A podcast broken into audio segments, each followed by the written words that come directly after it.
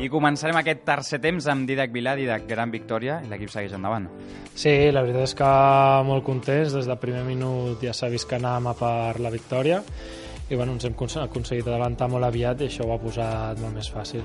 Ara, com deies, no, per la via ràpida, minut 2, gol de Bolell, i la cosa ja ha estat encarrilada. Sí, la veritat és que sí, llavors s'han obert molts espais i els hem pogut aprofitar. Didac, que com estàs? No? L'altre dia gol, avui assistència, eh, a seguir així. Sí, la veritat és que sí, ojalà sempre sigui així, no? Bueno, toca seguir treballant i que, i que l'equip segueixi sumant. I ara Ucraïna, haurem d'anar allà. Com, com ho veus? Com ho afronta l'equip? Bueno, doncs amb molta il·lusió perquè és la final d'aquesta fase prèvia, és el, l'objectiu és entrar dins i ho donarem tot. Gràcies, Ida, i enhorabona. Gràcies. I seguirem amb el nostre entrenador, amb David Gallego. Mister, ¿qué valoración haces de esta buena victoria del equipo?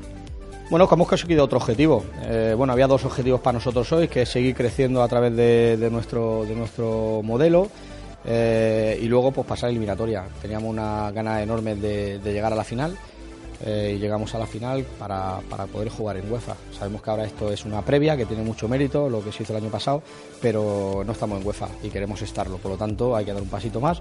Ahora descansar, pensar en Sevilla, pero primer paso dado, llegar a la final.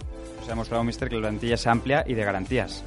Por supuesto, lo he dicho siempre, al final lo dije y lo voy a decir siempre. Para mí no hay suplentes ni titulares, para mí una plantilla en la que según las necesidades de la semana apostaremos por unos jugadores y por otros. Siempre he dicho, son importantes todos porque, porque es un año, si Dios quiere, muy, muy, muy exigente, necesitamos de todos.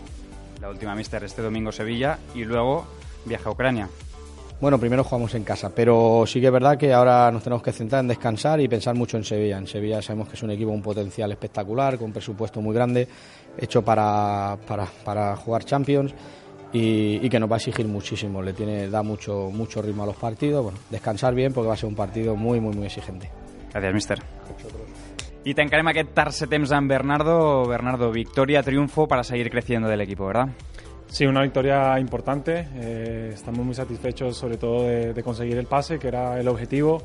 Eh, encarar el partido con, con, la máxima seriedad, humildad y, y, sobre todo con las, con las consignas muy claras de, de, ganar el partido, hacer un partido serio y nos vamos satisfechos con el trabajo y, y el pase. Y tanto en la ida como en la vuelta, portería cero.